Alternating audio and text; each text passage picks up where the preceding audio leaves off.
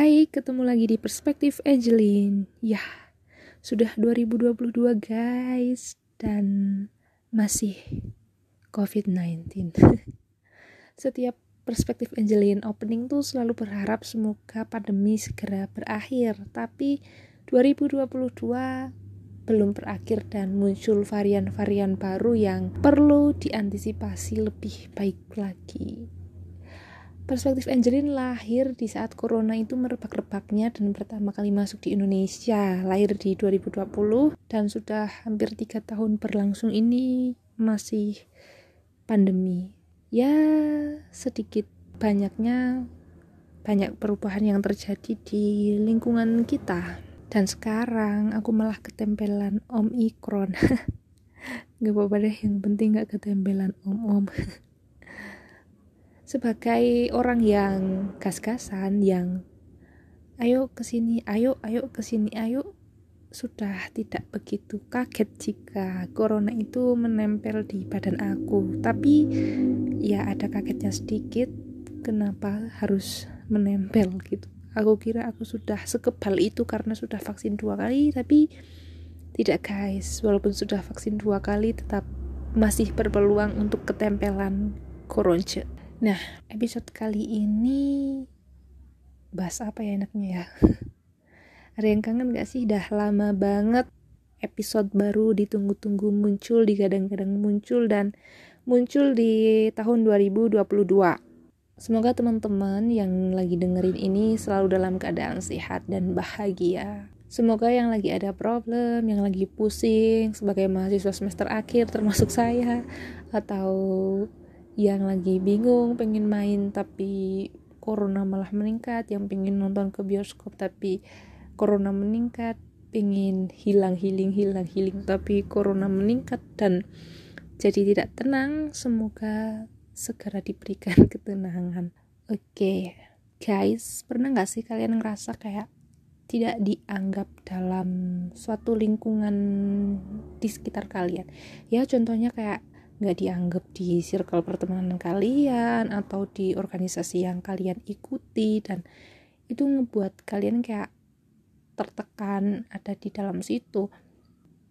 Organisasi-organisasi yang kalian ikuti atau circle pertemanan yang kalian miliki ngebuat kalian tuh menjadi orang yang nggak bisa berkembang nggak bisa jauh lebih baik dari kalian yang dulu.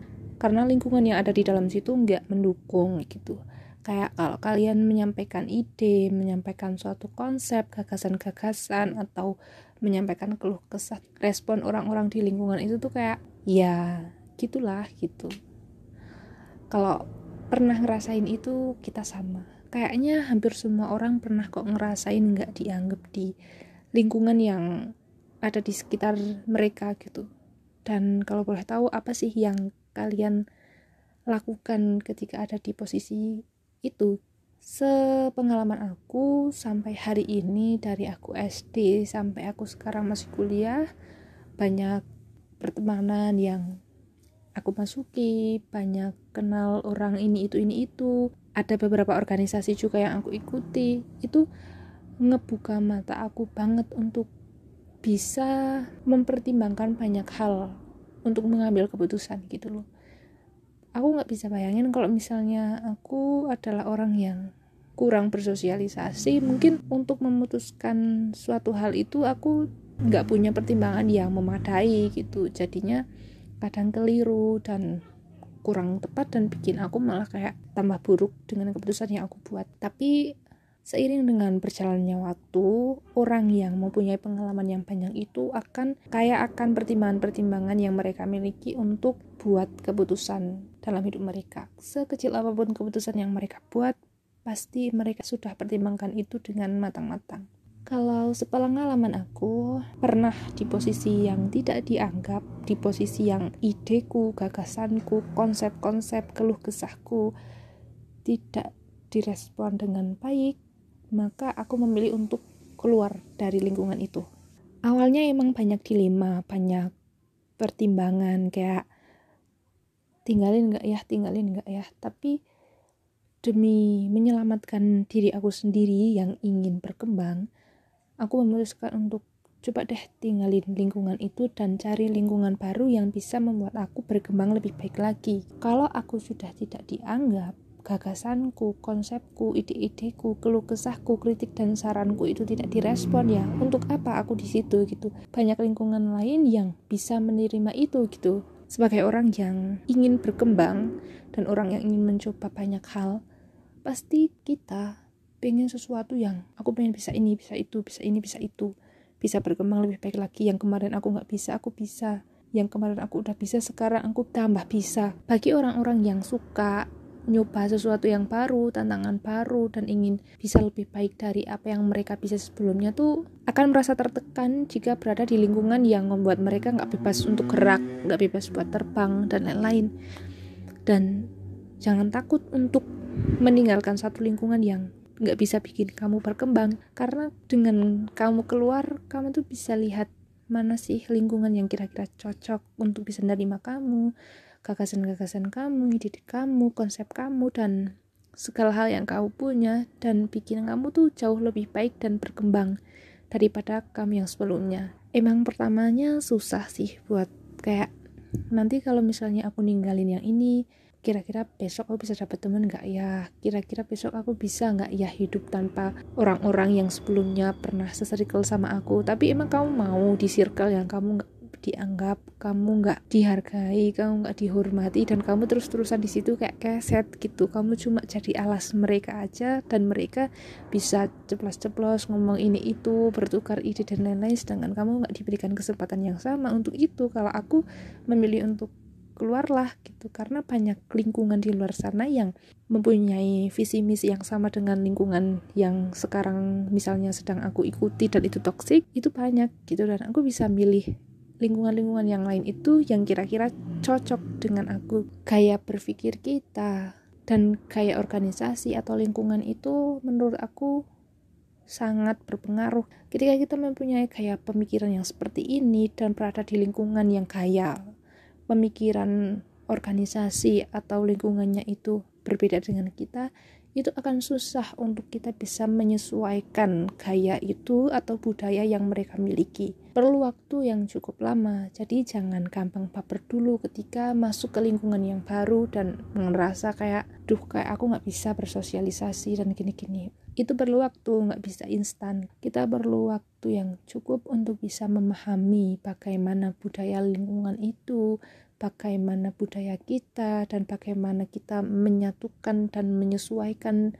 perbedaan budaya itu, perbedaan gaya itu. Jadi butuh waktu dan keberanian untuk bisa membuat diri kita berkembang lebih baik lagi. Yang bisa mengukur kita lebih baik atau lebih buruk adalah diri kita sendiri karena kita yang tahu kira-kira kalau kayak gini aku tuh lebih baik apa lebih buruk sih dan kita perlu ketemu hal-hal yang baru, kita perlu ketemu hal-hal yang beda, hal-hal yang random, hal-hal yang gak pernah kita kenal sama sekali, hal-hal asing yang harus kita coba untuk paham itu apa. Buatlah diri kita tuh selalu pengen tahu dengan apa pun itu. Jadi kita nggak stuck atau nggak di situ-situ aja mikirnya. Jangan pernah ngerasa malu atau takut untuk nyari lingkungan baru dan berteman dengan banyak orang. Mungkin untuk beberapa orang yang memang mempunyai kebiasaan menyendiri atau kurang suka bersosialisasi, mereka sudah nyaman dengan itu. It's okay gitu maksudnya. Di sini aku tidak memaksakan pandangan aku, tapi alangkah baiknya kita bisa melihat dunia itu dengan berbagai sudut pandang ketika kita bertemu dengan orang baru, bertemu dengan banyak orang, kenal dengan banyak orang, berteman dengan banyak orang. Dan kita mau belajar dari orang-orang yang pernah kita temui itu. Dalam hal sekecil apa pun yang mereka tahu, kita mau belajar. Ada satu quotes dari guru aku yang kemarin aku ketemu dengan beliau. Quotesnya gini, jangan merasa lebih baik dari orang lain. Karena ketika kamu merasa lebih baik dari orang lain, kamu tuh akan merasa nggak butuh orang lain. Padahal setiap orang itu punya kelebihan dan kekurangannya masing-masing.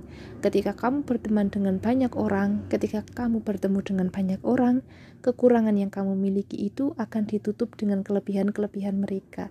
Jadi saling mengisi dan saling melengkapi kayak gitu dan aku kayak merasa, wow, iya loh gitu kayak karena kalau kita ikut organisasi atau ketemu banyak orang atau ada suatu acara yang kita harus ketemu banyak orang kita harus mengatur siapa ketua siapa ini siapa ini siapa ini kita akan ngerti ketidakmampuan kita itu ada di mana semua orang itu punya kekurangan dan ketika mereka merasa tidak membutuhkan orang lain ketidakmampuan mereka itu akan dilengkapi dengan apa banyak ilmu di hidup ini yang nggak semua orang tuh memiliki itu semua. Ada seseorang yang menonjol di ilmu yang ini, tapi dia juga kurang menonjol di ilmu yang lain.